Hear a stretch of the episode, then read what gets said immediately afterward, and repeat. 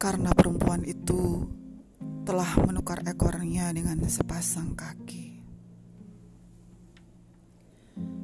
Bagaimana bisa kau menahan kesedihan sedemikian letih? Ariel yang malang.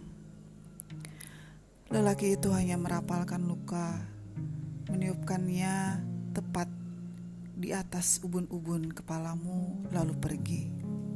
Sementara kau tersaruk-saruk.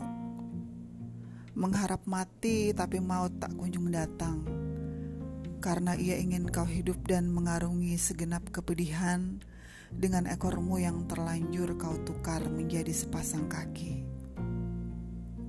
Kau menunggunya, lelaki itu, seperti pemimpi yang ingin sampai di puncak dunia. Barangkali kau memimpikan hal yang sama. Lelaki itu ujung dari mimpi-mimpimu, puncak segala hasrat dan kau menyeret sepasang kaki rapuh itu ke arahnya, berharap dia akan menyambutmu dengan seerat pelukan dan sekukuh genggaman. Ia bahkan tak mengenalimu. Kau perempuan bodoh. Pulanglah. Kembali ke lautan air matamu yang semakin lama semakin pasang.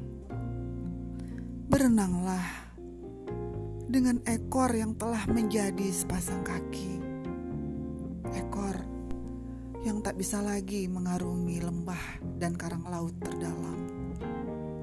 Tenggelamlah bersama penyesalan bahwa cinta telah diciptakan dan kau adalah tumbal yang mengenaskan.